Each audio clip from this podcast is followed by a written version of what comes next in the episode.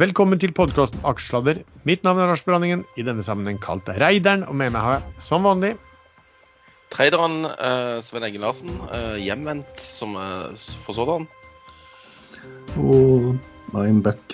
Eh, hva, hva, er det her igjen? Jo, Jalla-kongen. Erlend Henriksen. Hovedsakelig US-Jalla nå. Altså, Når du har glemt hva du eh, ble, ble, ble kalt, eh, da er jeg jo litt villig til å gi deg ansvaret for å fortelle om vår eh, disclaimer, men kjør kjør Ja, på. men Det underbygger jo bare det at du må ikke finne på å høre som eh, vi sier eller tror, tror vi sier. eh, For vi er totalt uansvarlige. Korrekt. Vi ringer råd dersom du hører på hva vi sier her om markedet, aksjer, enkeltaksjer og livet for øvrig, er ansvaret helt og holdent ditt eget. Det kan forekomme feil i det vi sier i programmet. Panel og panelets gjester kan være langkort, direkte eller indirekte eksponert i aksjer, selskaper og produkter som omtales i programmet. Og vi gir altså ingen anbefalinger.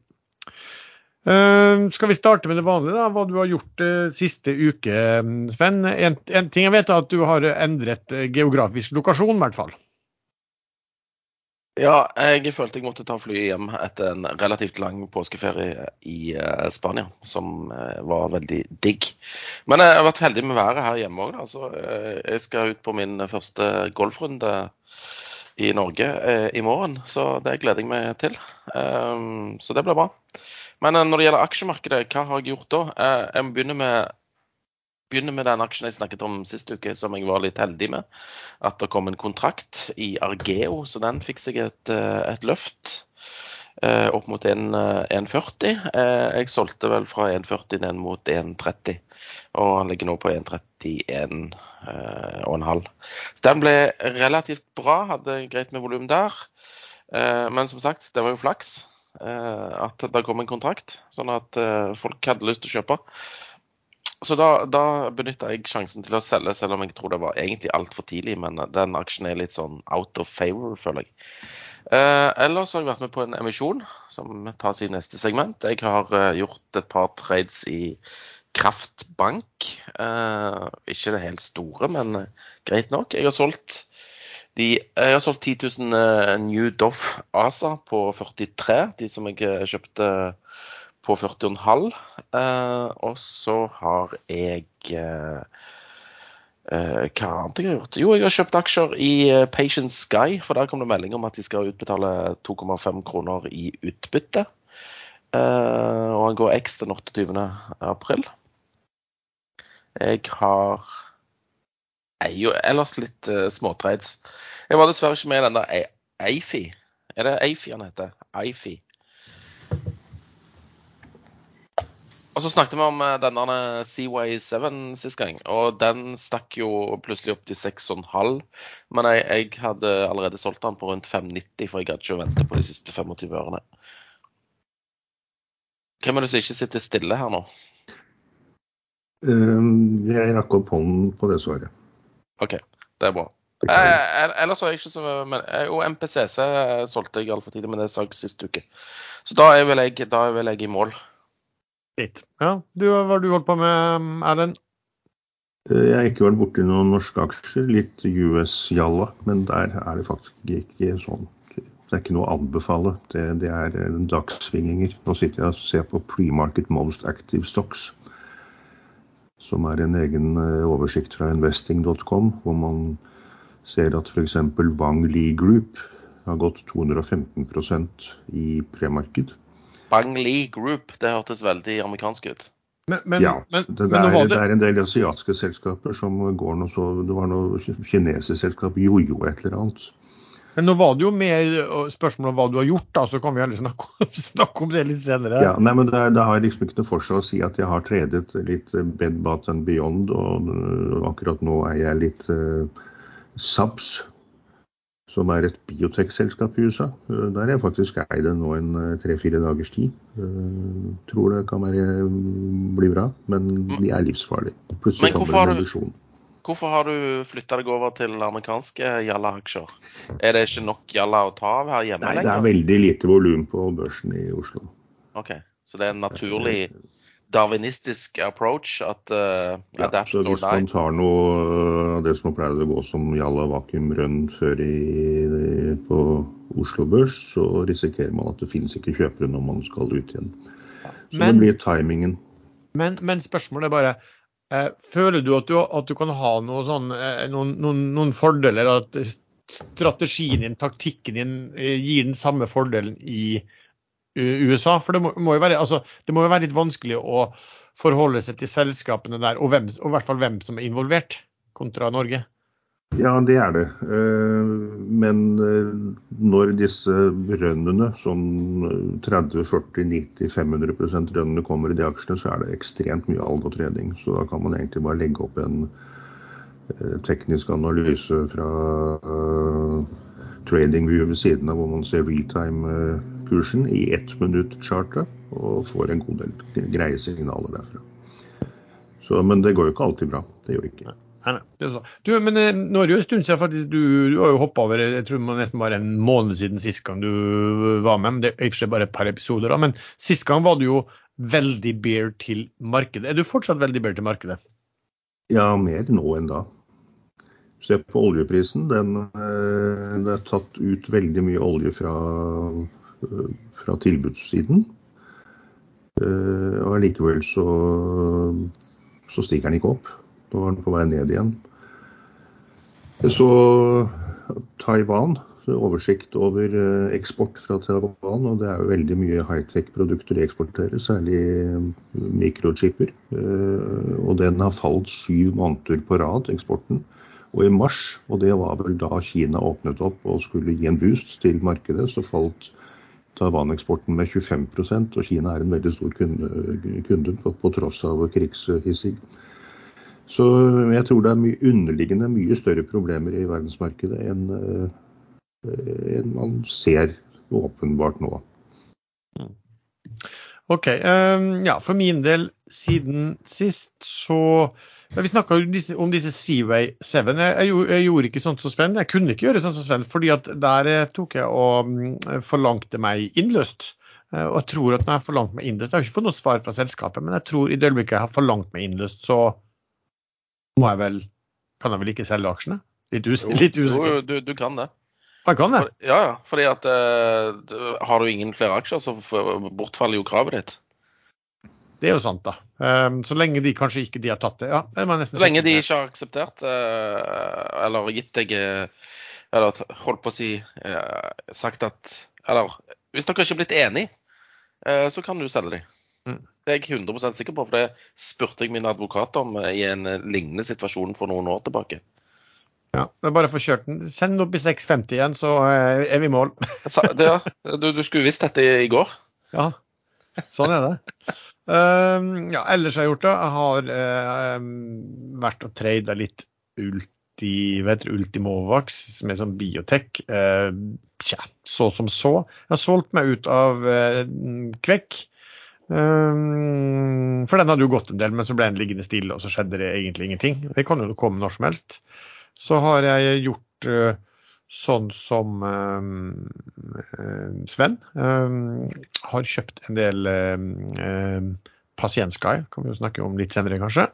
Eh, jeg har solgt ca. 40% av mine Valaris i løpet av uken, fordi at altså, rigg som jeg, eh, skal si, jeg hadde eid lenge, så solgte jeg rundt vinterferien og kjøpte tilbake igjen når den hadde falt en del. Eh, altså, rigg ser ganske svak ut sånn sett, så da jeg orker ikke å sitte noe som er helt stille eller synkende. Så får vi se om jeg trader meg opp igjen i den eventuelt. Det jeg gjorde det samtidig da med Tidewater. Um, norsk uh, supply falt ganske mye. Um, Tidewater var ganske, lå ganske stabilt. Tenkte at det var greit å selge den. Og så solgte meg ut av uh, denne Standard Supply, som har Nei, Norsk, norsk, norsk supply, hva tikker det? Norsk, hva mener du med norsk supply? Da du hadde kjøpt norsk supply. Uh, nei, jeg tror jeg, jeg tror jeg sa at norsk supply hadde gått ganske mye. Å ja, ja, ja, men det er jo Eller nei, gått. falt, gans, falt Men ganske mye. hva tikker er det, liksom? Nei, det er Nosu. Nosu? Bare kjøp. Jeg har ikke vurdert å endre navnet på aksjestader til Geriatripoden? Nei, jeg har ikke tenkt på det, men jeg regner med at jeg får noen forslag om det, sikkert. Um, og så har jeg kjøpt uh, en del Solstad Offshore. Eh, fordi at den falt ganske mye, og den har falt veldig mye mer enn eh, tilsvarende, tilsvarende andre supply. Kan jo være en Jo, men det, det grunn var jo til det. de, de solgte jo de PSV-ene sine relativt mye lavere enn det som markedet trodde verdien var. Så har jeg kjøpt eh, noe Ser jeg har kjøpt noe DNO. Som ble kjøpt for høyt, for den har jo falt siden. Så, og så har jeg kjøpt skal vi si, et par andre selskap som, eh, eh, som jeg kan snakke om litt senere i, i episoden. Også, du Har de, har de åpna den der eksportledningen sin igjen? DNO? Nei. Det er Tyrkia som blokkerer. Tyrkia vil ha på plass noen gamle krav fra mange år tilbake før de vil ta stilling til når den skal åpnes. Og da kan vi tenke oss at valget i Tyrkia nå i april kan ha en innflytelse på når den blir åpnet. Ellers så nevnte jo Sven Aifi. Eh, der sitter jeg fortsatt med min eh, posisjon. Den er vel opp 90% siden vi snakka om den på fredag. Jeg, jeg må jo bare le, liksom. Hvis, hvis ingen andre skal få opp den kursen, så må jo vi gjøre det. Eh, Spøkte vi om sist uke. Og så bare liksom går han 100 og vel Ja. Men nå går Det jo var- en del sånn andre i, i selskap knytta til det man snakker om maskinlæring og- og AI, da, eller som markedsfører seg på det. De har også gått altså Det var vel et, I Sverige er noe som heter Asai, jeg tror den har gått en f- 50 også. Eh, Men det som var så interessant med IFI, var jo at på, det var jo da, den gikk jo bra på på mandag, så gikk den jo ytterligere kraftig på eh, tirsdag, på ganske store volum. Og i dag så dukka det opp hvem som hadde e- egentlig tatt 60% av volumet på tirsdag. Det var faktisk Magnus Halvorsen, som vi har snakket mye om her som en sånn stor aktør, gjerne innenfor, eh, innenfor eh, oljeservice.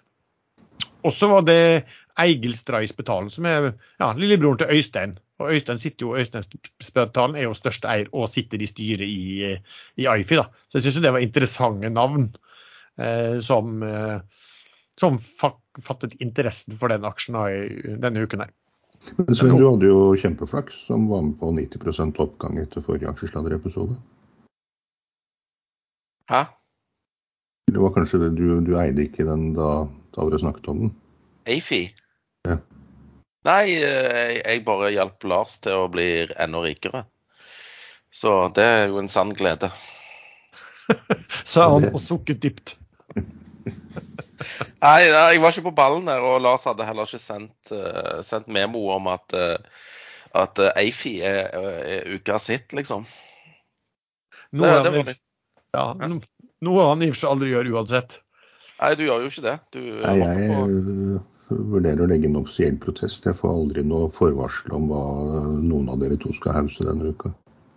Eh, nå har jeg jo snakka om Ifi før, da, den har ligget stille eh, sånn sett også. Men, men altså, det er jo ikke noe sånn Det har jo aldri vært noe sånn slam dunk. Jeg har jo aldri presentert det som noe sånn slam dunk eh, heller. Eh, men noe med ja, interessant eh, potensial. Og de skal jo komme når som helst med noen produktlanseringer her som kan bli, kan bli interessant å se hva de kommer med da.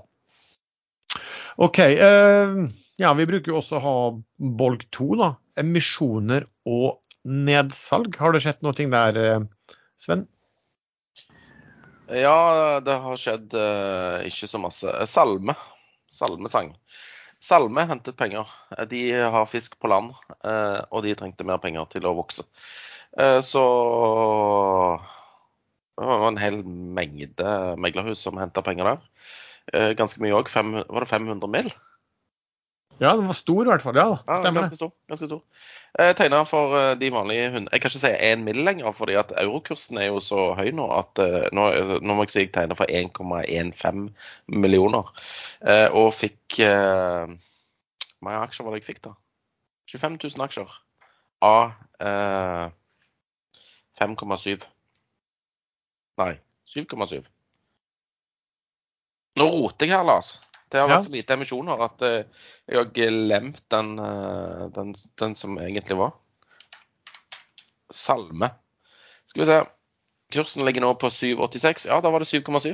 Jeg solgte den på 7,93. Jeg tjente 23 øre ganger 25 000 aksjer, så det, det holdt til den der hamstringen jeg gjorde på, på Vinmonopolet for to dager siden. Jeg trodde på en litt langvarig streik. Så nå har jeg eh, nok vin til et par måneder framover. Så det var litt dumt. Ja. Eller egentlig greit, da. Slippe å gå på polet.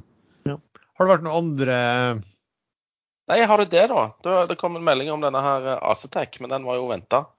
Eh, kursen blir tre kroner i en fortrinnsrettsemisjon, eh, og kursen nå er åtte kroner. Så den eh, teoretisk sett burde ligge på, på rundt fire til fem. Ja, for den gikk jo X retter til å være med, og likevel så stikker den sånn voldsomt opp, da. Ja, men heldigvis så var det ingen eh, aksjer i shortpoolen, sånn at eh, For jeg hadde jo shorta på seks. Ja, og Nå er han på åtte. Han var vel oppe i ni. ja den er på 7,40 nå, var oppe i 9 i dag, ja. Helt, helt, helt madness, ja ja. Men den skal jo tas av børs òg. Eh, Nei, han skal bare skifte, han skal bare skifte børs. Going Danish. Ja. Det er jo et dansk selskap, altså man kan jo lure Ja, egentlig litt på hva, hva har de Hvorfor kom de her til in the first place, liksom? Det er jo fordi at danskene ikke ville ha driten. Og det har jo vært en sann tragedie på børs, da. Så det er jo Altså, Bortsett fra da den gikk fra fem kroner til over 100. jo jo. Men det var vel kanskje bare på luft og, og håp og tro og kjærlighet. Men eh, du skal være veldig varsom når det kommer sånne rare selskap som skal absolutt på Oslo Børs. Så hører hjemme i Sveits f.eks. Astrocast og den gjengen der. Hvorfor kommer de her? Det er jo fordi ingen andre vil ha dem. Ja, Forklaringa har vel av og til vært at den der Euronext Growth-grøten er så lett å komme seg inn på, men har de ikke noe sånn growth andre steder også? I Sverige har de tilsvarende.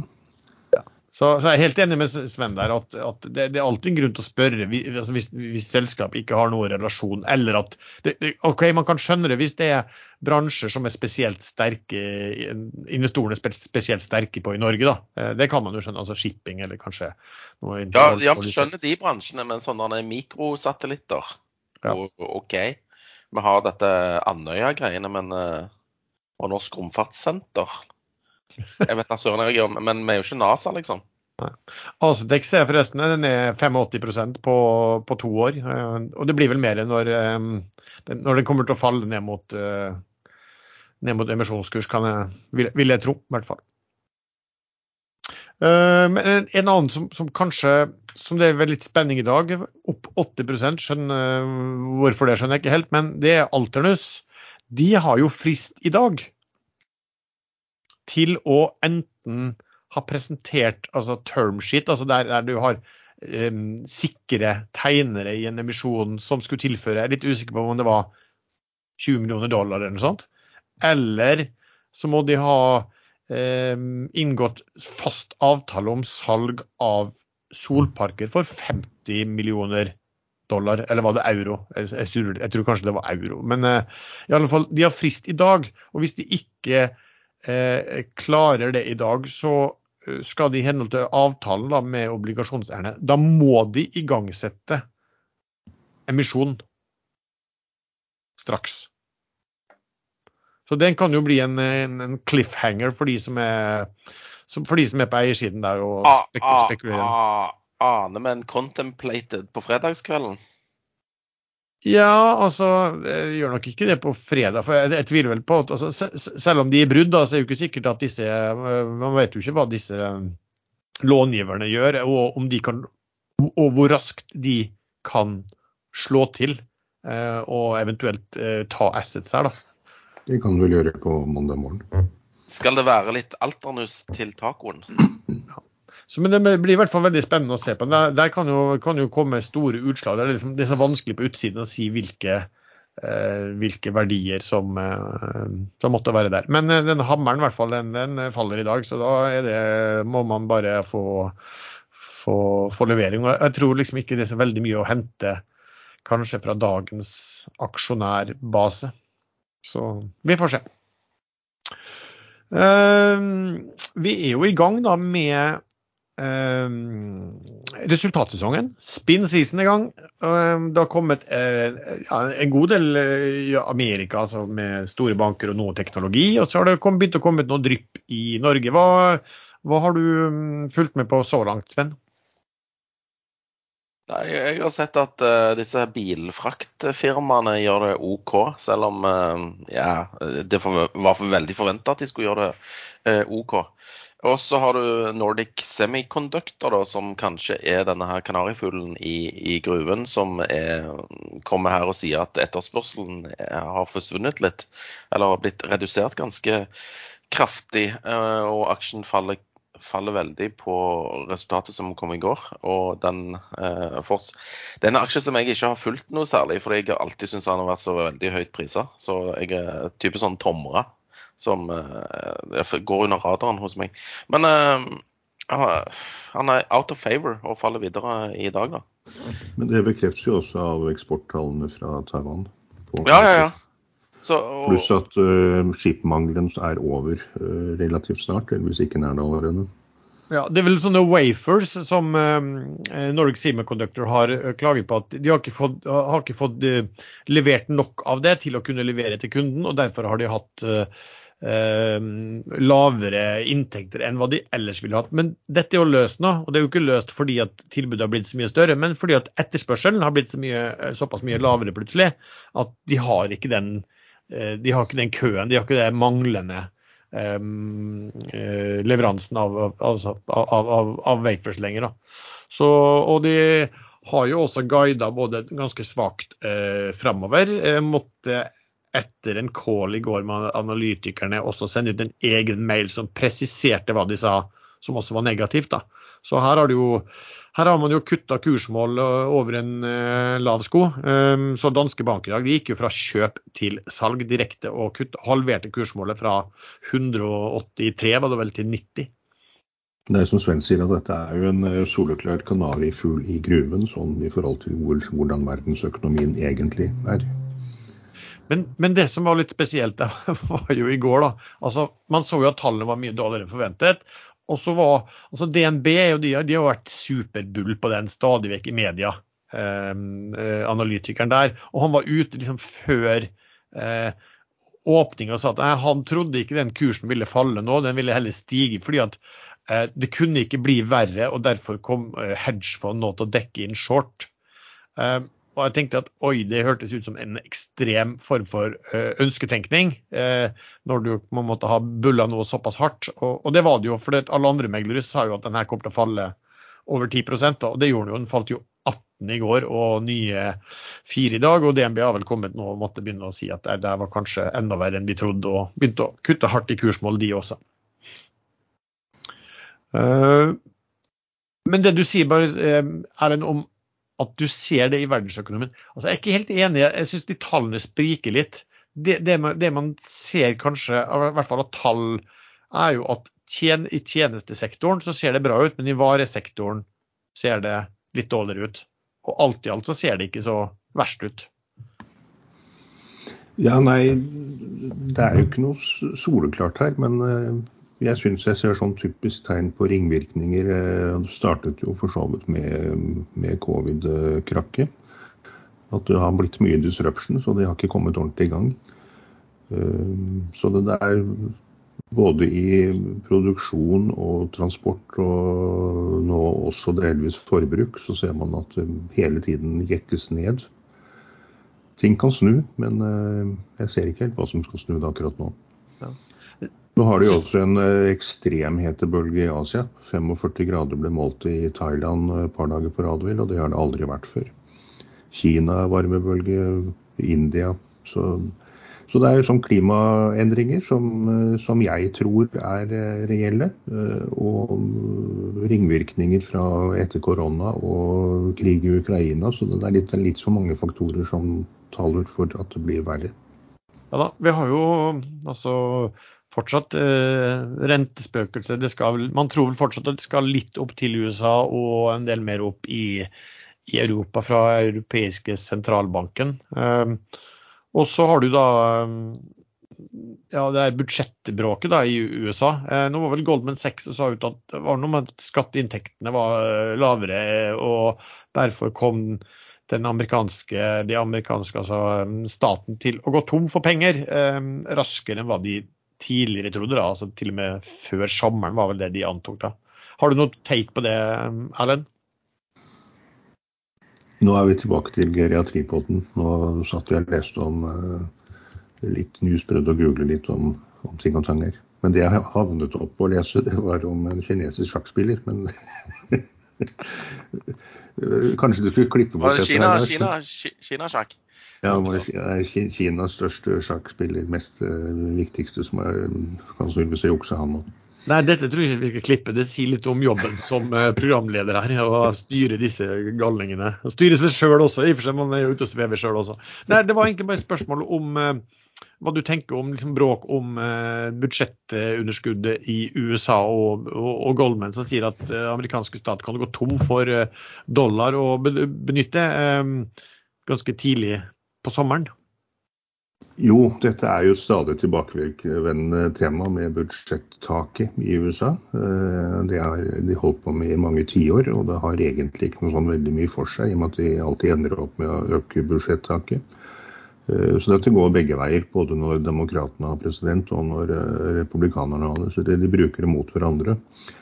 Eh, presidenten har visse fullmakter til å ta visse grep hvis de ikke skulle bli enige. Det mener jeg at Biden, enten Biden eller Clinton måtte gjøre i sin tid. Så det, det er sjelden så kritisk som de påstår. Men da Trump var president, da satt vel han foten ned mot demokratisk flertall i Senatet, som ikke ville øke budsjettaket. Og da ble jo USA stengt ned i jeg tror det var nesten tre måneder. Eh, offentlige kontorer osv. Før de da ble enige til slutt. Så det har eh, påvirkning og innvirkning, men de blir enige. Ja. Hva tenker du Sven, sånn makromessig nå? Så er du i hjørnet på at det blir Hvis vi ser på USA, da, kan du tenke på det? altså som en ja, Tror du det blir en, en, liksom en, en resesjon der, og blir det i så fall en mild resesjon eller en eh, kraftig resesjon? Jeg heller mot mild, men jeg fulgte ikke helt med jeg heller nå. fordi at uh, jeg syns det var et litt kjedelig tema. Altså, da gikk jeg inn på uh, Gardena-appen min for å sjekke hvordan uh, plenklipperen hadde det. Og han uh, lader og, og, står i her nå en time igjen før han begynner å klippe igjen. Så jeg satte den ut på beite og fungerer utmerket, altså. Det var faktisk en verdig digresjon enn min kinesiske sjakkspiller. Nei, men kanskje bare resesjonen kommer. da. Jeg så en tweet fra vår gode venn um, Pål Ringholm som sa at markedet bunner når resesjonen starter. Så bare få i gang den resesjonen, da. Sånn at vi kan få bunna det markedet. Ja. Du, um, det har også vært litt sånn snakk om at, om at uh, en del prøver å finne en annen valuta å bruke enn uh, en dollar. altså Kineserne vil bruke annet, russerne vil bruke noe annet. Jeg tror noen land i Sør-Amerika og i Afrika. Ja, det er altså, disse BRICS-landene. Ja. Eh, BRICS-landene er jo Brasil, eh, er Russland, eh, India, Kina og Sør-Afrika. Og Kina og India ligger i stadige grensekonflikter, skyter litt på hverandre. Og Russland og Kina har aldri vært venner, de er det akkurat når det passer dem begge to. Eh, Sør-Afrika begynner å bli en ganske failed country. Det er ikke så veldig mye de kan bidra med. Og Brasil eh, sliter også ganske godt med økonomien. Det burde jo vært en økonomisk stormakt. Det er jo nesten det er to tredjedeler så mange mennesker i, i Brasil som i USA, men allikevel så klarer de ikke å få ordentlig styr på det landet. Så jeg har absolutt ingen tro whatsoever på at de landene skulle klare å bli enige. Nå har de visstnok fått med seg Saudi-Arabia og Iran også uh, inn i et prosjekt hvor de skal gå bort fra olje, dollar uh, i oljefredning. Uh, velkom, prøv. Kommer aldri til å funke. Bare glemme. Ehm, kan du nevne forrige episode, for de som ikke har hørt den, så hadde vi besøk av Robert Ness, som er investeringsdirektør i Nordea, og spesielt interessert i kunstig intelligens, AI. Ehm, og da snakket vi, så Det er en episode å anbefale for de som er nysgjerrig på, på det temaet. Det skjer jo veldig mye på AI hele tiden. altså Det dukker opp stadig, i vill fart eh, nye applikasjoner som bygges på toppen av, eh, av disse ChatGPT og annet. Eh, og så ser jeg også da f.eks. at eh, altså Elon Musk er jo de som har advart veldig mye mot, eh, mot AI og vil ha en stopp på ting. Han har jo da selv begynt å rekruttere masse folk og, og, og kjøpe inn det han trenger av det han trenger til, av infrastruktur til å sette opp en, en, en konkurrent. og Den skal hete Truth GPT. Er det tilfeldig at han velger navnet til Trumps uh, sosiale medietjeneste, Truth? Ja, det, det, det, tenkte jeg også. Det var kanskje litt sånn uh, spesielt. da, Men han liker jo litt å lefle på med, med, liksom, med, med alle, alle, sidene også. Uh, det har jo vært sånn at, Er det ikke Google også som har vært liksom litt og snakket om at man måtte få bremse dette her? Men det, det, er jo litt sånn også at det er jo en del grunner til å være bekymra, men så er det også en del at man skal huske på at en del av de som føler seg at andre uh, konkurrenter har fått et forsprang på de, de vil jo gjerne få satt ned uh, tempoet i alt hva som, uh, alt hva som foregår. da. og så dukker det opp da selvfølgelig nå veldig mye områder som folk bruker dette her, og rapporter fra selskap som, som, rapporterer at de holder på å bli allerede mye mer effektive ved bruk av denne type, denne type løsninger. da. Vi har som vanlig også fått en del spørsmål fra uh, lyttere. Uh, Sven, hvordan få tilgang til å handle norske obligasjoner? Hva må man gjøre der? Da må du inneha et verktøy som kanskje kanskje ikke er så vanskelig å få tak i, nemlig en telefon. Og så må du ringe en megler. Du kan Må også... det være fasttelefon, eller kan man bruke Nei, du kan ha fasttelefon, du kan ha mobiltelefon, satellittelefon. Eh, ja, all slags. Men du kan òg bruke um, Ja, altså, du kan sende en tekstmelding. Du kan uh, forfatte en elektronisk post. Du kan egentlig òg kanskje bare sende et vanlig brev. Det er gjerne ikke så effektivt, men du må bare komme i kontakt med et annet menneske eh, som har tilgang til å handle obligasjoner. Og det er som regel eh, obligasjonsmeglere som finnes i meglerhus. Så sitter du der med Nordnett, eh, så sliter du. Har du Pareto, dette er reklame, eh, bare send, send belønningen som vanlig, Tore. Så, så, bare ringer du til obligasjonsmegleren din hos Pareto. Men hvor mye penger, mye penger må man ha for at det her skal gi noe mening? Nei, trenger ikke ha så mye penger. Hvis kjøper du eh, drittobligasjoner, så holder det med noen tituseninger. Skal du kjøpe investment grade, så anbefaler jeg vel at du har en del millioner. Ja, Pluss at på en del av disse er jo én obligasjon kan jo være altså, En million i ja, ikke? Eller 100 000, ikke sant. Altså et stort ja. da. Ja. ja. Men eh, altså, det, det, det, akkurat som i aksjemarkedet, så har du liksom Du har Equinor, eh, og så har du DLTX. Hadde de hatt obligasjoner, så tror jeg ikke du hadde trengt å, å betalt så veldig mye for dem. Ja. Um, annet spørsmål her er um, over ett år, hva er andel av fortjenesten din på børs fra emisjoner kontra fra trading? Sven, hva, hva antar du? Ma, det har jeg faktisk ikke tenkt på før nå. Eller jo, jeg tenkte litt på det at Tenk hvis jeg bare kutter ut tradingen og bare er med på emisjoner. Eh, vil det liksom være nok til å holde hjulene i gang her på bruket? Eh, og det er jeg litt usikker på. Um, nei, skal Av og til så får du jo noen kjempegode emisjoner. Men som regel eh, så er det jo Du må kjempe for å, for å komme deg ut i pluss. Eh, så nei 70-30, 70 Nei, 80-20, sier jeg. 80% vanlig aktivitet, 20 eh, emisjoner. Mm. Ok. Erlend, du er jo ikke med på, på, emisjoner, så det er ikke så relevant for deg. Jeg er med på litt også, så, så jeg vel, har vel enda mindre andel fra emisjoner enn uh, hva Sven der. Men det kan jo selvfølgelig endre seg av og til. Plutselig er du med på noe hvor du, hvor du blir sittende, da, eller som er helt spesiell for, for en spesiell gunstig utvikling sånn rett etterpå, men, men, i det store hele så er ikke det så, så veldig mye. Men det, men det er interessant det er tanke du har, Sven, altså på hva hvis man bare satser og, og, var med på emisjoner. Og vi har jo en del aktører som vi vet er med altså på ekstremt mange Arne Fredli er vel med på helt ekstremt mange emisjoner i inn- og utland. Men han har vel også sagt at det uh, ikke har vært så mye penger der i det siste? Eller er det du som sa det, Sven? Ja, I det siste har det vært veldig vanskelig å komme seg ut i pluss. Uh, du må liksom få uh, lav tildeling, uh, og da klarer du å komme deg ut i pluss. Får du full tildeling, så går du i minus. og får du lav tildeling, så blir jo kronasjene Altså, det blir ikke så mye gevinst, da, fordi at du har fått så lite. Jeg ser på Nordic Mining nå, den ligger nå på 0,62. Da har vi emisjonen på 0,60. Så det er jo sånn, og Den har vært under 0,60 og så vidt.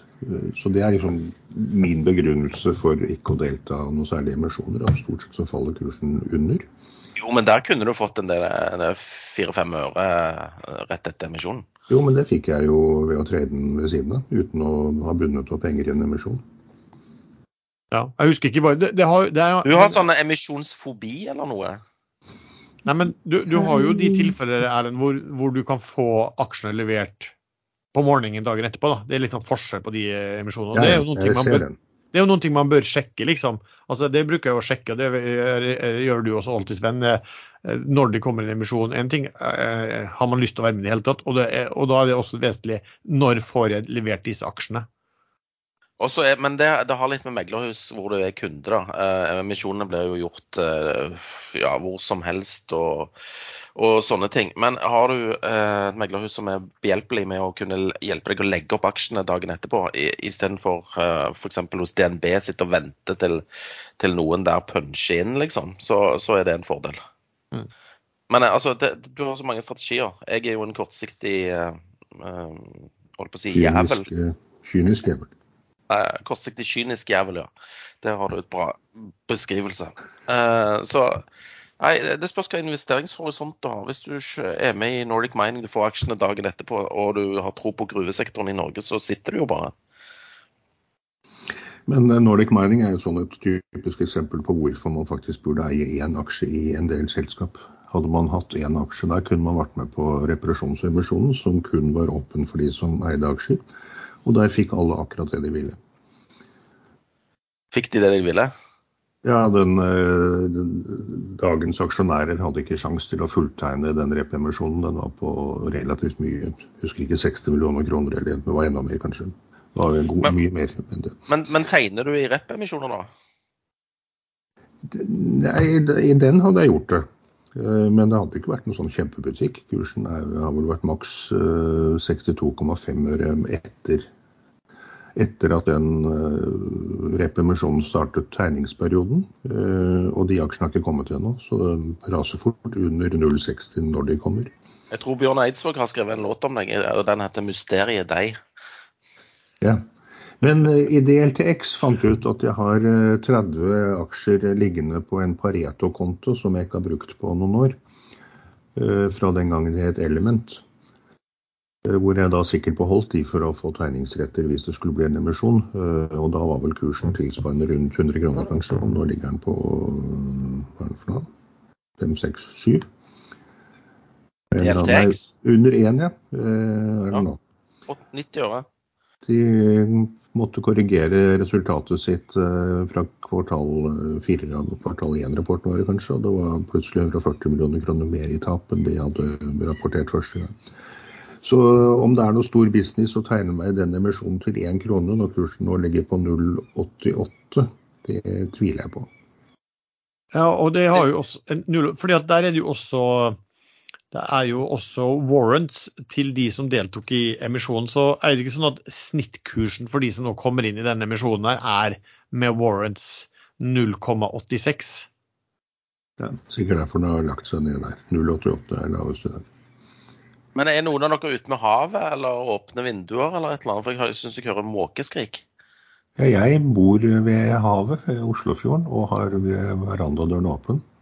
Men det er ikke måkeskrik. Det er, eh, det er, en hund som uler hele dagen fra eierne går fra den om morgenen til de kommer hjem på ettermiddagen. Nei, det, dette er noe med fugleaktige greier. Fuglehund? Den fuglehund? Fuglehund. Jeg syns vi skal ha litt natur, litt uh, ekte natur i sendingen vår. Ja. Jeg har hørt at uh, fuglekvitter skal virke behagelig uh, på mennesket. Men det kan ikke innbefatte måkeskrik. Men, men æren er jo ikke ukjent med å, å, å, tilby oss hva skal vi si, fra naturen, da, lyder fra naturen i, i sendingen. Det har vi jo hørt før. Men, Jo, men det er ikke så ille som Sven å ta med mikrofonen og gå på do. Nei, det, det, er sant. Du, um, du, var jo ikke her når vi snakket om AI, um, Erlend. Uh, så da, siden du er en ung mann i din mest nysgjerrige alder, um, har du brukt noe sånne produkter, ChatGPT-lignende produkter, har du brukt noe sånt i investeringsvirksomheten din eh, Nei, foreløpig ser jeg bare på det. Jeg ser at uh, innimellom kommer det veldig gode svar. Andre ganger ser jeg med en gang på svaret at der er det feil eller eh, mangler. Um, og hva var det for noe her om dagen? ChatGPT skulle analysere en børsmelding og klarte fullstendig å glemme et hovedelement i den børsmeldingen. Og da, da, har det jo veldig liten verdi. Så det, det, det, vil bli veldig bra. Og det vil bli mm, på sikt såpass bra at det selvfølgelig også kan ha litt faremomenter. Men akkurat nå syns jeg det er litt umodent. Man må i hvert fall kontrollere veldig nøye det som kommer ut av den uh, chat-tjenesten. Det er, jo, det er, jo, riktig. Um, jeg tenkte Siden du er i USA og må av og til sjekke litt ting rundt uh, hvordan de ligger an i chapter 11 og alt det her, om du, om, liksom, du bruker uh, en sånn tjeneste til å sjekke gjennom de her, uh, alle, alle, de uendelige antall sider og vanskelige språk som av og til skrives i Ja, Disse amerikanske børsmeldingene, da skal man virkelig holde tunga rett i munnen. Det selskapet jeg er i nå, de kom med en børsmelding hvor overskriften var Eh, at de har fått varsel om delisting fra Nasdaq. Men når man da leste ned til tredje avsnitt, så står det akkurat motsatt. At de har fått beskjed om at den blir utsatt til juni. Så de har fram til juni å rette opp i dette. Så, og kursen ramla jo da den eh, ble lagt ut, men gikk opp igjen etterpå når folk hadde lest hva som sto der. Så jo, det, kan sikkert ha noe for seg, men da må man lage en automatisert tjeneste som uh, spytter ut uh, svaret nesten med en gang sånne meldinger kommer. Så at man får et varsel på, på skjermen et eller annet sted. Ok, eh, Flere spørsmål. Hva skjer med Norske Skog, var det en som spurte om. Eh, jeg kan svare på det. Nå er det vel en del sånne skogsaktører, Stora Enso og alt der, som har kommet med noen profit warning og, og litt ja, dårlige signaler i, som selvfølgelig drar med seg mm, Norske Skog også. Det nedsalget der ble vel gjort store, eller solgte de seg helt ut, disse her, store storeierne. Jeg husker, husker, ikke hvordan det var i farten. Det ble i hvert fall et stort nedsalg. Og det skjedde vel på, på 60-tallet i Norske Skog. Uh, og den ligger jo nå i 52,75. Så det er vel snakk om å uh, Styret har vel fått et fullmakt til å utbetale utbytte, og eh, jeg husker ikke om kan det ha vært oppimot fem kroner per aksje, men, men, det er vel visse ting som må godkjennes der først av, sånn som jeg forsto det, av noen långivere. Så, så vi, vi, får vel se hva som skjer der. Men det har jo vært Meglerhusene er jo, og har jo vært ekstremt eh, Eh, positive til den aksjen. Onde tunger vil kanskje si at det også har sammenheng med at det har vært stadig vekk eh, store eh, oppgaver, da, eller jobber på å tilrettelegge for store nedsalg, som, som, også kanskje har gjort at man har vært litt vel glad i selskapet. Men de kommer vel nå med tall jeg er litt usikker på, på, på, når de kommer med tall. men den er faktisk min, på min oppsliste på Den har glidd såpass mye at kanskje man kan vurdere å, å kjøpe den. Uh, Sven, Q-free, hvordan ligger det an med din interesse der? Jeg sitter stuck i Q-free. Nei, um, jeg, jeg uh, I'm in it for the long run, liksom. Jeg uh, venter fortsatt på at turnarounden skal utspille seg. Nå tok jo uh, disse her uh, Riber og kjøpte store deler av selskapet, så den frie flyten er vel relativt eh, begrensa. Jeg vet ikke hvor mye de sitter med, men det skal jeg finne ut veldig, veldig fort. De sitter med 62,76 av eh, selskapet. Så eh, det blir vel opp til hva de finner på fremover. Du tror ikke de eh, har noe nytte av å bruke AI, da? AI-trafikken?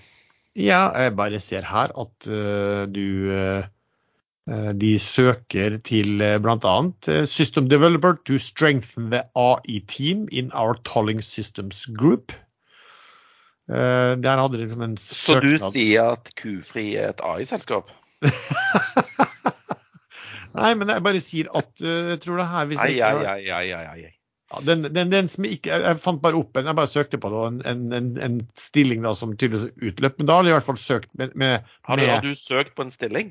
Nei, jeg bare søkte etter Q-free og AI, og da fikk jeg en, opp en stilling som har utløpt, eller ikke aktiv, men det er i hvert fall den overskriften på den. Men Are you passionate for AI? Og da var det til Developer Imaging Processing Systems. Så skal vi se. Så, så det er jo et eksempel på selskap som kanskje kan, eh, kan påvirkes. Eh, det står faktisk at Q3 sees I as an area that will have a large role in the future of our system development.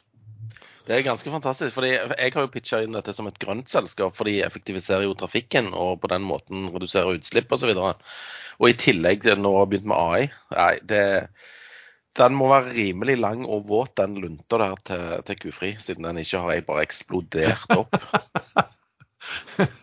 det er liksom ingenting som liksom Ingenting som virker. Nei, men de, de, de, går ikke akkurat rundt altså sender børsmeldinger heller at nå har vi nå satser vi for fullt på AI og uh, Green AI, liksom. Ja, det, det, det, det hadde vært bra.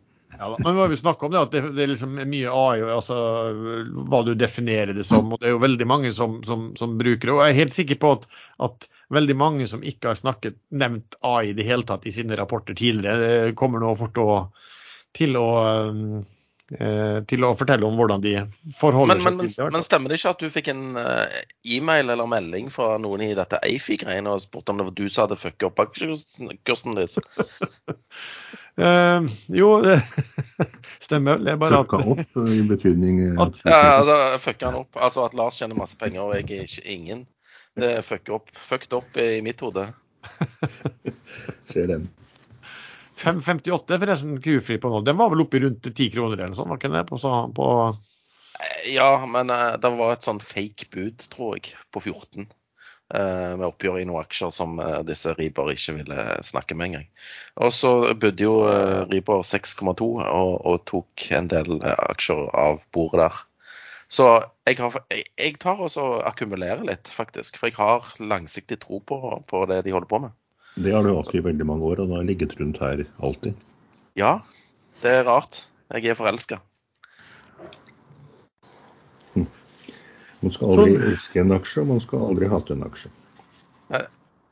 Du mener du skal aldri forelske deg i en aksje? Du kan fortsatt elske en aksje?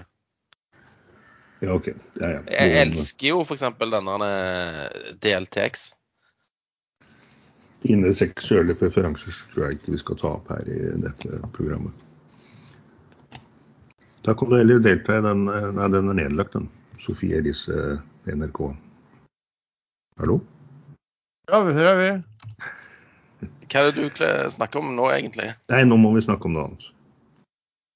Må, jeg må bare gjøre en liten eh, skal vi se, jeg må bare gjøre en liten sak her. Men uh, dagens nyhet er jo at uh, Lars er ute i jobbmarkedet og kikker etter jobber. som AI-spesialist, liksom. Søkte på en stilling som AI-spesialist i Kufri. Mm. Men uh, jeg ser jo, eller du har jo ikke sagt du har fått jobben, og annonsen er ikke ute lenger, så den er sikkert blitt besatt. Ja, mens vi hørte på, Siden jeg nå uh, søkte på dette her og fant ut at uh, Q-Free var AI, så kjøpte jeg noen aksjer der samtidig også. Men det er det jo egentlig ingen andre som gjør. Er det, er det egentlig lov? Ja, jeg må jo kunne Etter jeg lanserte det som en grønn AI-aksje, så bare hopper du rett på? Nei, det var vel egentlig jeg som fortalte at de holdt på med AI. Ja, det var vel egentlig kanskje du som fortalte det, ja. ja sant det. Når det sant skal sies.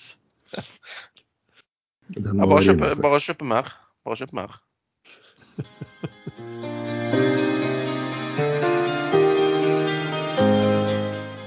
Aksjelader sponses av IG. IG tilbyr trading på over 17 000 markeder, deriblant AI-selskap. Så om man skal trade aksje CFD-er, fins muligheten til å gå både long og short med disse. Men en nyhet for IG er at du nå kan trade bull- og bear-sertifikater utstedt av Société General direkte IGs kraftfulle plattform. Sertifikatene handles fra klokken 08.00 til og med 22.00. Velg giringen som passer deg med bull og bear fra to ganger og oppover. Du betaler ingen kurtasje. Åpne konto og utforsk Bull og Bear hos IG på ig.com, eller last ned IG-appen i dag. Og husk, all trading involverer høy risiko.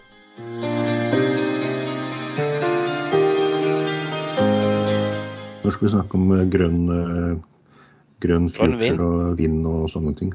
Ja, det kan vi snakke om nå, hvis du har noe å, å berette. Ja, for 19. april, det er da to dager siden, da skriver vår danske venn på ekstranestor meget gode nyheter for havvind. Dansk realkredittselskapet får nå adgang til marked på flere hundre milliarder kroner, tar han på norske. Fordi regjeringen fjerner barrieren for at realkreditten kan finansiere store havvindmølleparker.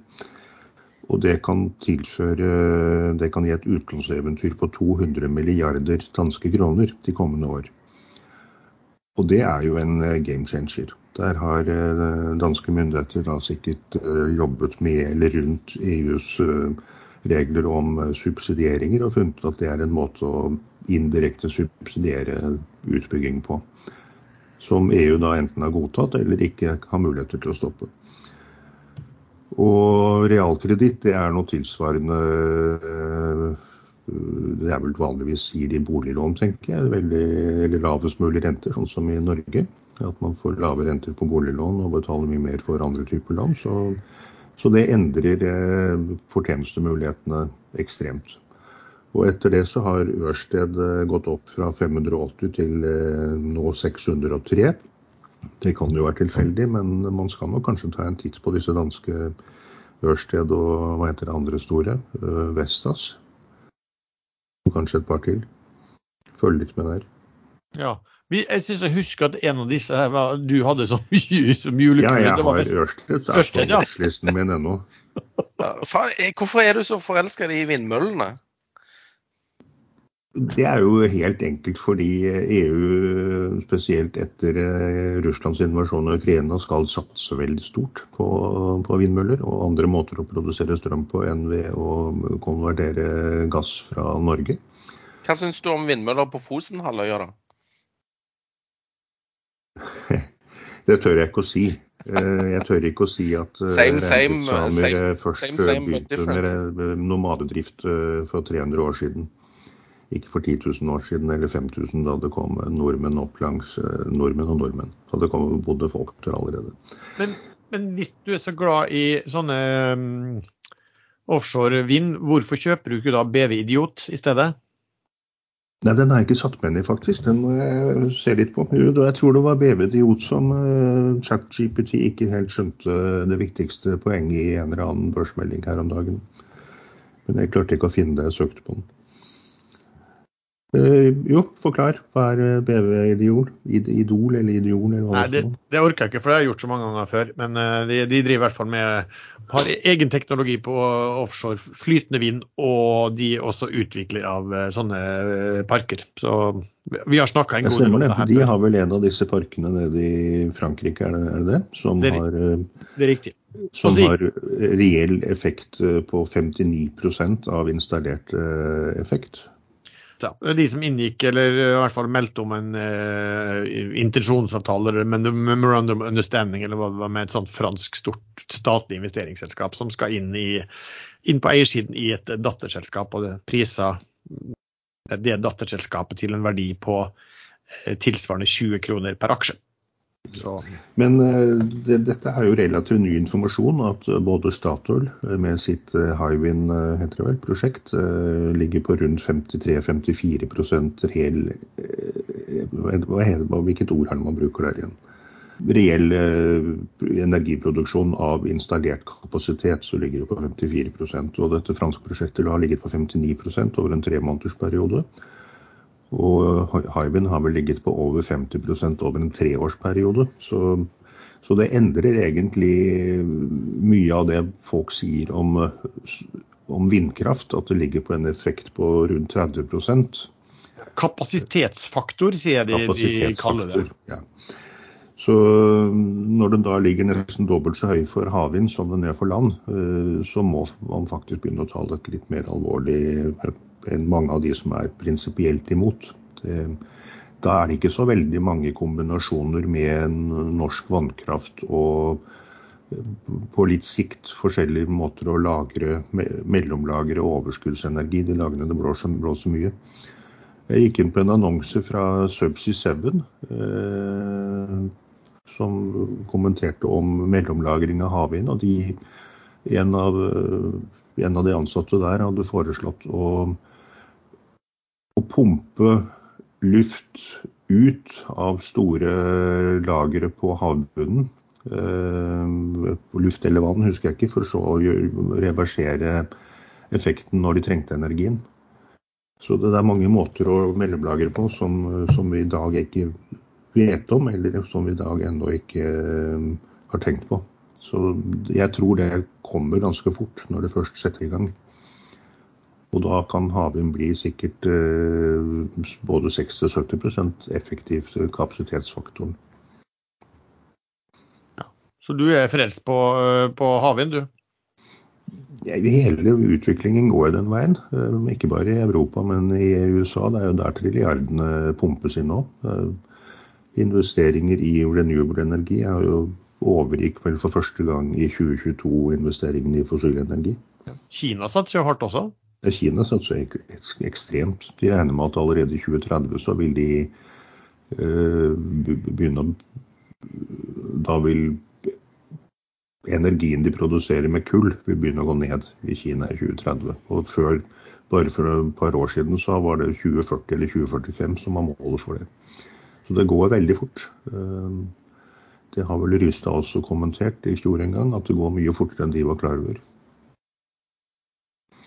Men det er langt igjen. Det er jo ikke eh, Energi brukes jo til mye mer enn eh, strøm med stikkontakten. Så det, det vil ta mange år, mange tiår.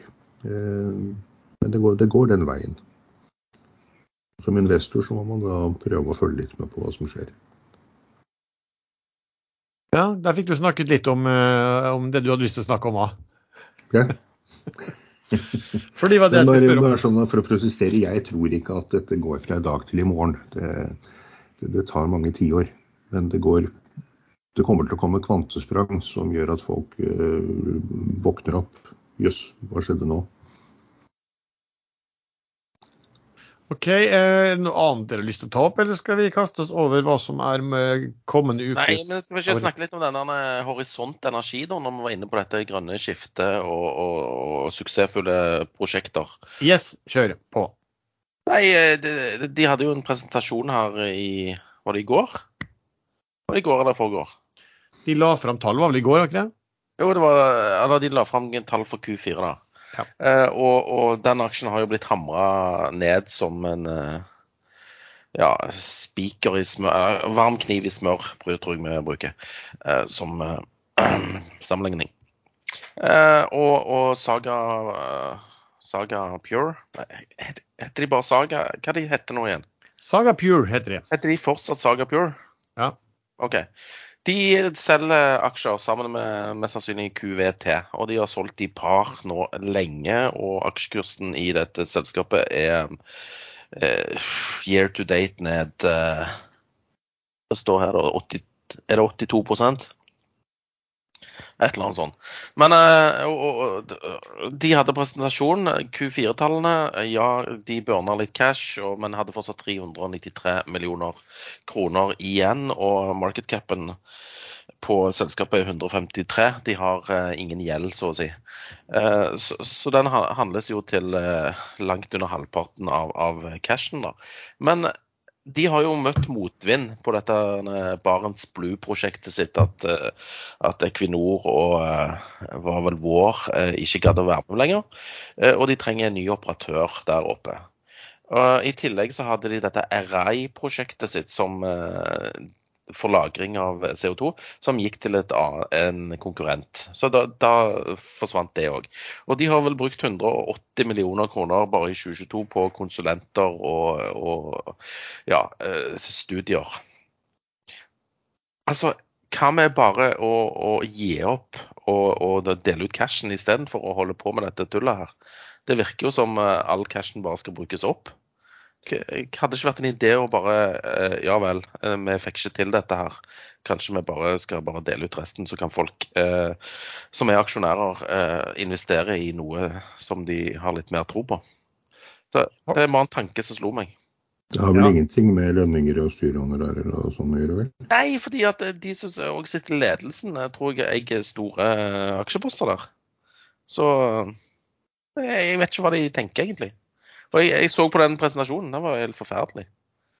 Altså, de, de, det som du sier, at disse uh, prosjektene deres er jo litt uh, plassert på sidelinjen ved at de ikke har fått tillatelser eller ikke har uh, leveranse av altså får ikke gassleveranse. sånn de kan... Nei, det er bare Barents Blue. De får ikke gass, og de får ikke Nei. strøm. Ja. Så, men det, jeg leste denne årsrapporten nøye i går, og det de skriver, vel, er jo egentlig at de skal kanskje ikke bruke så mye penger nå inntil videre, fordi at eh, Equinor og Valevår de hoppa vel av som, eh, som eh, partner. Eh, og så kom det inn en annen som, eh, som mulig partner. er vel det, et, ja, Spansk eh, ammoniakkselskap. Ja. Og de skal visstnok bestemme seg før sommeren i år om de skal være med som en sånn fast partner i dette her, da. Jeg tror at siden det ble meldt, så etter det så tror jeg det er meldt at de ikke har fått de tillatelsene eller fått eh, altså på, på, disse her eh, Barents Blue.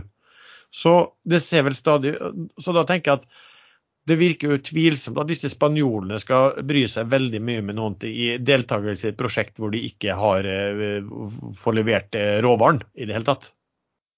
Nemlig. Så uh, skikkelig motvind. Ja. ja men, der, der, der, er du inne på stikkord. Barentsblue eller hele HRGI de må begynne med havvind isteden. Så spørsmålet er jo da om disse har noe spesiell kunnskap. Jeg så de hadde 44 ansatte. Om de har noe spesiell kunnskap innenfor si, blå ammoniakk eh, og carbon capture og storage. Og de, de, skriver vel at de skal satse mer på carbon eh, capture eh, i framtiden. Nei, carbon storage. fordi at jeg, på presentasjonen så er Det eneste jeg fikk med meg der, at det, det virker veldig crowded i carbon capture, mens i carbon storage så er det stor etterspørsel. Ja, og jeg tror det var sånn at de hadde fått seg en opsjon på en eller annen, et eller annet Var det på, på, var det på Vestlandet? Et eller annet Jeg var på, på Karmøy. Ja, hvor de kunne eh, mellomlagre, er vel det de gjør, ikke sant? At de kan lagre eh, karbon, eh, fanget karbon der, før de eventuelt da skal videre ut og sikkert deponeres i et eller annet gammelt bårehull, eller ja. Det, det er vel det som er tanken, da. Jo, Så, ja.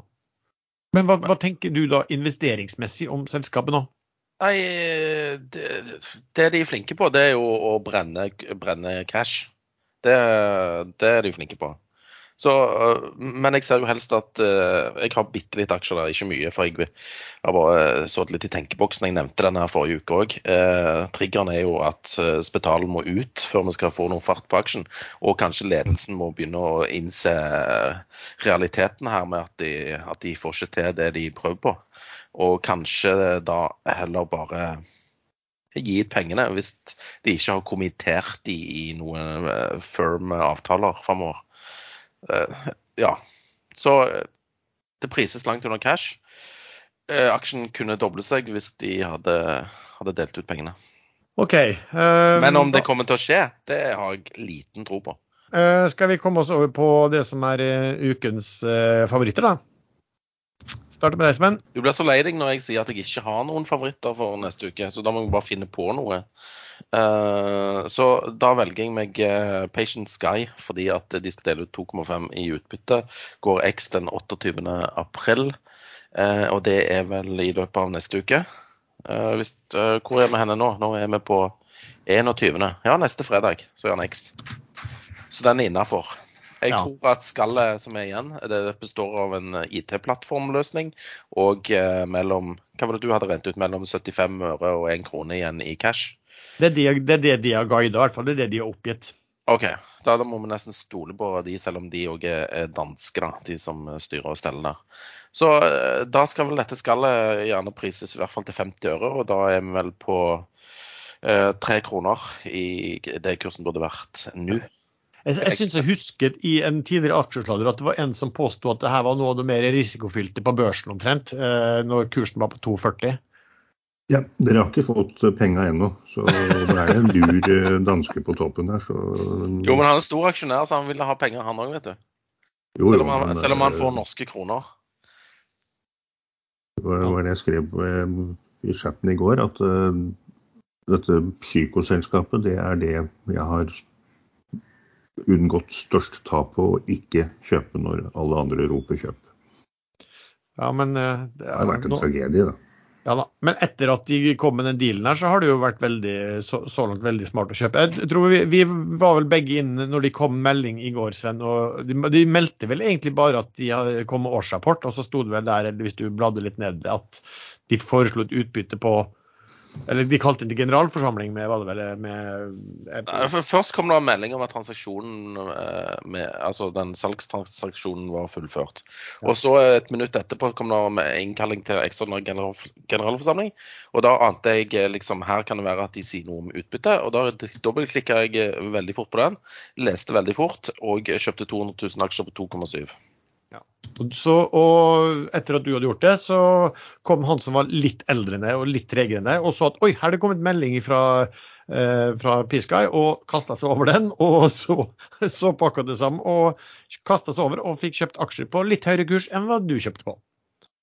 Men Det er bare sånn verden burde fungere. Ja. Akkurat sånn du beskriver det nå. Det er hendelsesforløp som er logisk. Fordi det, det, du, men for da tenker du også altså, Det som du gjorde da på regnestykket, var at si at nå hva ligger på nå 2,8 noen ting. 2,84 faktisk. Han har vært oppe i 2,92. Så si at nå det kommer da utbytte på 2,50. Det vil si at da skal den eh, aksjen prises til 34 øre. 0,34 øre. 0,34 kroner. Og eh, da vil det altså ligge i forhold til hva selskapet selv sier, så vil det da ligge 0,75 til 1 kroner i eh, cash per aksje. Vil si at den prises da til halvparten eller en tredel av cashen i selskapet. Eh, og da har du på toppen en plattform as a service-tjeneste som de har brukt veldig, veldig mye penger på å utvikle. Så, så egentlig blir det et spørsmål på tror man at aksjekursen på denne her vil ligge på, på 0,35, eller tror man den vil ligge lavere eller høyere? Det er liksom det som er. Så, Konklusjonen er vel at uh, når man begynner å regne på hva eventuelle framtidige verdier blir, da kommer man til å tappe penger. Men når man er en kynisk uh, tredjedjevel som Sven, da tjener man sikkert greit på den transaksjonen der. Ja, men det er ikke så mye software-selskap du finner på børsen som prises til langt under nettcash, da. Nei, det kan sikkert bli bra. Jeg tror det. Uh, ja, men har du noe uh, det, det er bare det at Erlend liker ikke så godt dansker. Jo, jeg elsker dansker. Ja, jeg vet det. Ja. Altså, Men hvorfor hater du den dansken, da? Har det vært noen danske suksessstorier på norsk børs? Eh, Hugo Kølle, hva het han for dem? han heter jo Kølle. Hugo, Hugo Kølle? Nei, det, er- det er Hugo, Hugo Games, som Ja, ja, er Fifth Planet Game eller noe sånt noe. Det er jo bare juks og bedrag, holdt jeg på å si. Eh, Nå er det jo litt annerledes der, da. Eh, For nå har, du jo, de har jo fått en storeier som er veldig solid fra, fra USA. Men, men i tidligere tider kan vi vel si at det var mye rart. Nå ligger kursen på 2,56, og den storeieren opparbeider seg en stadig større eierandel på noen konverteringer til 0,60. Og hva som skjer når han mener at han har fått, eh, storeieren har fått nok eierandel, det vet man ikke i dag. Jeg tror det kommer til å ende fryktelig galt. Ok. Sven, Det er ikke noen inntjening i det selskapet som forsvarer en kurs på 2,50, sier de som har regnet på det.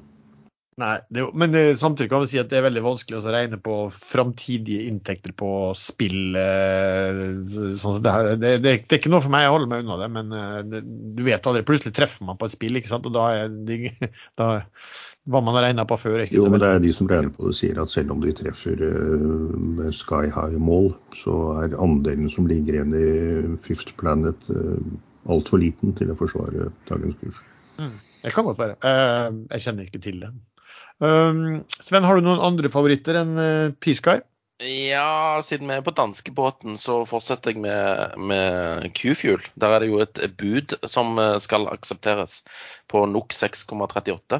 Og så er det en del sånne eh, sta dansker som da eh, sier på Facebook at de nekter å godta det budet. Da kan heller, heller alt bare gå til null, eh, fordi at de tror at liksom ja, jeg vet ikke hvorfor de ikke har lyst til å akseptere budet. Aksjekursen ligger på 5,50, eh, og budet er på 6,38.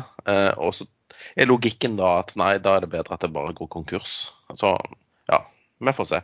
Jeg har tatt en liten post her, og jeg håper og tror at eh, at når alt kommer til alt, så øh, aksepterer folk eh, Det går vel ut i dag, det budet? Men det kan forlenges til 11. mai. Så går bud gjennom, så skal vel den aksjen opp mot 6,38. Og hvis det ikke går gjennom, så Nei, da går det til helvete. Ja. Så... plain and simple. Så her er det håp, håp at ikke noen gjør en ny Doff. ja. Men dette er jo dansker, da, og, og generelt sett så er vel de lurere enn oss nordmenn når det gjelder sånn business. Men det kan vel være Hva heter de der, de der mongoene i Danmark? De der eh, Molboerne. Det er kanskje en eh, gjeng med molboere som stritter imot her. Nei, jeg vet ikke. Spennende å se. Eller, nå, men nå har jeg ikke noe mer. Uh, Erlend, hva har du For så vidt eh, ikke så mye i Norge, om noe i det hele tatt. Eh, Nordic Mining tror jeg kommer til å få seg en eh, opptur. De fikk en analyse på én krone med potensial opp til 1,50 årlig fra Sparebank1 Market. Og Clarkson kom vel også med et kursmål relativt høyt over dagens kurs. Men det er veldig mange aksjer som skal tygges gjennom der en periode til. Men den er sånn at den den pleier å stikke ganske høyt når den først går. Så den følger jeg med på. Ellers så begynner SAS eh, som vacuum case å bli ganske råttent på rot. Eh, der sliter de med den amerikanske chapter 11-dommeren som nektet å godkjenne en eh, finansieringsløsning de har kommet opp med. og Grunnen er at den danske stat krever eh, mange fordeler utover andre investorer hvis de skal gå inn med sine 29% eller øke til 29,9 Så der må de finne en annen løsning. og Det kan ende med at den danske stat eh, setter ned foten og sier nei, selv om det skal nok mye til i og med at de har Kastrup og trenger arbeidsplassene. Men det er absolutt mulig at SAS blir tatt av børs. At det blir såpass store private investorer som tar nesten hele finansieringen at de ikke er interessert i en børsnotering. Så det er trist når sånne åpenbare vakuum-case eh, begynner å råtne på rot.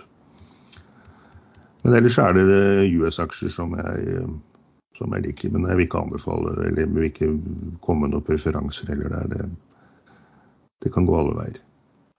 For min del, ja, Sven, du nevnte jo uh, Patient Sky. Um, den er enig i at den ser interessant ut når noe skal skje. Uh, det var jo litt morsomt at du nevnte Horizont Energy, for den ligger jeg og kjøper i dag. Kjøpte i går også. Uh, jeg, skulle gjerne sett for meg når du ligger og kjøper. Ja, det ligger henslengt i stolen og kjøper.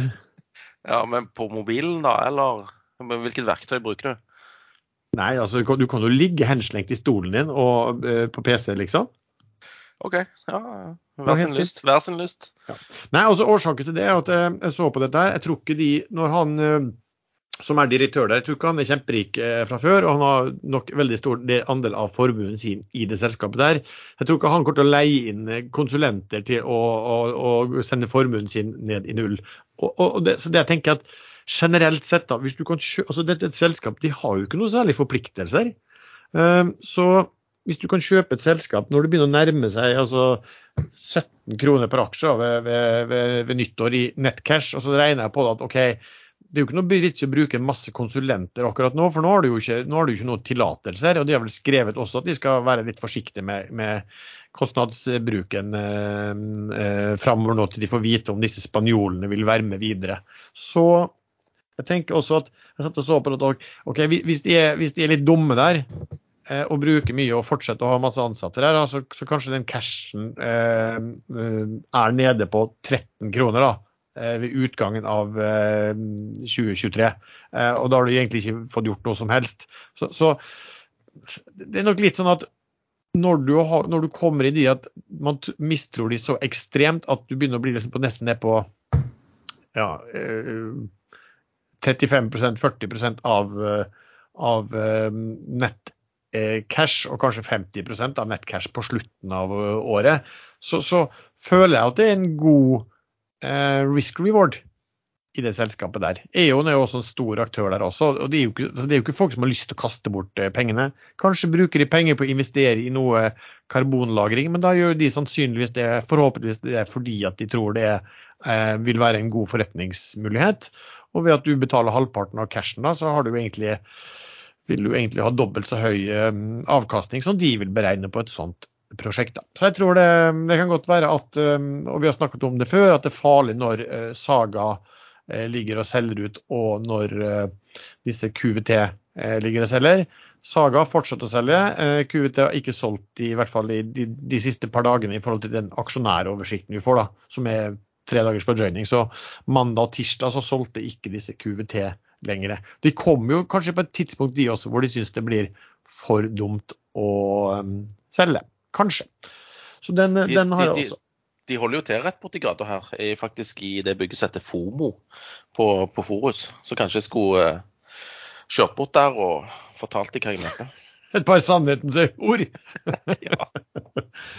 ja. Så den, den en. også um, en som jeg også har kjøpt noen uken. Og jeg snakket om Dette her er på en måte ikke um, Det er ikke noe AI-selskap, men jeg vil kanskje si at dette er noen som jeg tror kan dra stor nytte av det du ser i AI. Altså Jeg merka meg når jeg hørte jeg snakket vi om det i forrige episode også, at han han, eh, sjefen for Nvidia han snakket vel om at ingeniørene deres var blitt dobbelt så eh, produktive i løpet av kort tid, og han trodde over tid at de kunne bli ti ganger så produktive.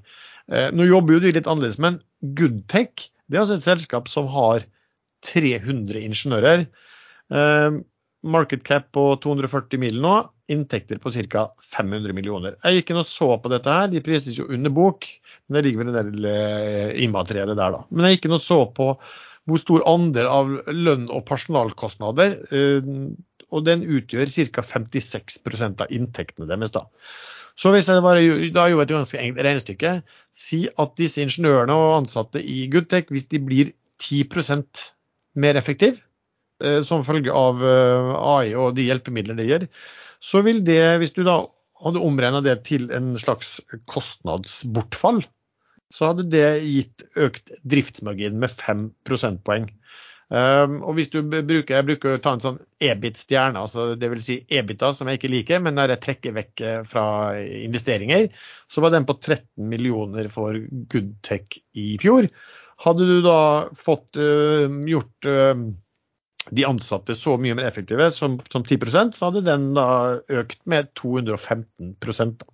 Så den, de jo på, holder jo på med en uh, omstilling av selskapet. De driver også innenfor automat, automasjon og robotisering og digitalisering. Så det er jo et område som er også er mm, spennende. Men det er et selskap som har skuffet i årevis, som strengt tatt har holdt på med å bytte penger. Dvs. Si at de har gjort jobb for kundene og sittet igjen med null etter at de har eh, ja, eh, betalt de ansatte. Så, så, ingenting til aksjonærene. Men eh, det er jo ansatt en ny her som har holdt på en stund, og, ja, og, de har solgt seg ut av en del ting. Så jeg tror at kanskje de kan få stor nytte av Hvis de klarer å få en mye mer effektiv arbeidsdag for de ansatte, så kan de bli særdeles mye mer lønnsomme.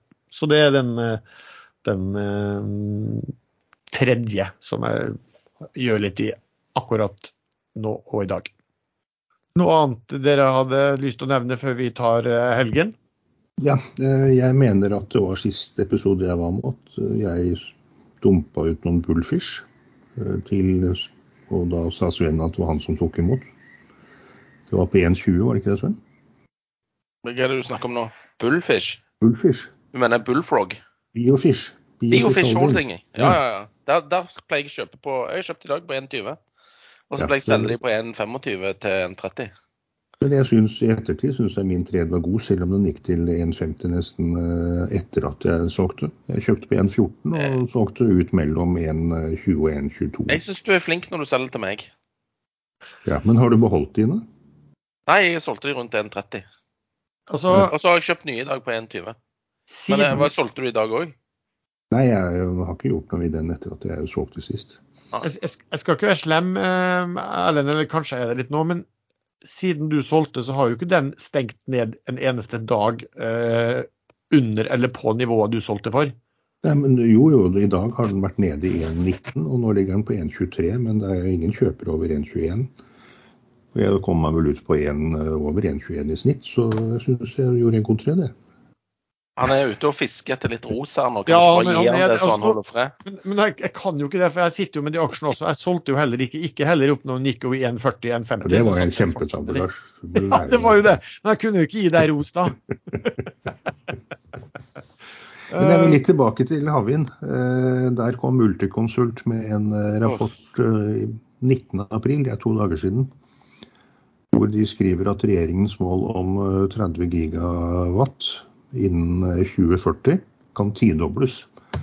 De mener at det er eh, plass og gode nok områder i, langs hele norskekysten, inkludert i Skagerrak og helt opp til langt opp i nord, til å bygge 338 gigawatt havvind i Norge. På områder med lavt konfliktnivå. Og da lurer jeg på hvor mye dere kan om dette her. Eh, Hvor mye tilsvarer eh, den norske årsproduksjonen på 136,7 terawatt-timer? Hvor mye tilsvarer det i gigawatt? Av vannkraft. Var dette, var dette et spørsmål? Det var et som spørsmål, er- ja. Ja, nei, eh, jeg Det er forstår ikke hva 33,7 gigawatt. Nå er jo vannkraft eh, 100 effektfaktoren der er jo på 100% så vil jeg tro. Eh, Så man må jo da bygge ut eh, nesten dobbelt så mye havvind for å nå i det samme. Men det vil si at eh, potensialet for norsk havvindutbygging er fem ganger så mye så høyt effektiv produksjon som vi produserer i dag. Og det vil jo si at strøm kan bli en viktig eksportartikkel for Norge. Så lenge vi passer på å bygge ut nok utenlandskabler kombinert med dette. her. Så, og, i, selv, og de regner med en pris på ca. 1 krone kilowatten. Under 1 krone kilowatten regner de at man kan komme ned i. Og da vil nordmenn si, som husker at strømmen kostet eh, 20-25 øre kilowatten, si at det er kjempedyrt, men i Europa oppfattes ikke det som dyrt. Og den strømmen kan også brukes til å lage grønn hydrogen, som Europa kommer til og har allerede begynt å satse mye på. Det skal bli en stor del av den europeiske energimiksen. Så vi må se muligheter, og ikke bare se ut fra hvordan vi selv oppfatter prisen på energi, og finne på noe annet å gjøre etter at olje og gass før eller siden kommer til å forsvinne som inntektskilde for, eh, for Norge. Men Da snakker vi en del tiår, men vi må planlegge dette nå. Du kan kalle denne episoden for Havvindmonologene. og, og med det så takker jeg så mye til deg som har lyttet på denne episoden. Du treffer eh, oss tre stadig vekk chattene inne på eh, Ekstrainvestor, der du kan også chatte med ChatGPT. Um, vi har også en egen gruppe på Facebook som heter podkasten Aksjesladder. Musikken er som vanlig laget av sjazz.com, og vi høres. Nå skal jeg begynne å søke mer på, på Q-Free og Artificial Intelligence og se om de har eh, liksom Dette er her. Her kommer det. Og havvind, Lars, det er jeg helt sikker på du nå løper. løper jeg, jeg er jo mye BV-idiot allerede. Ja, men det er sikkert smart på sikt.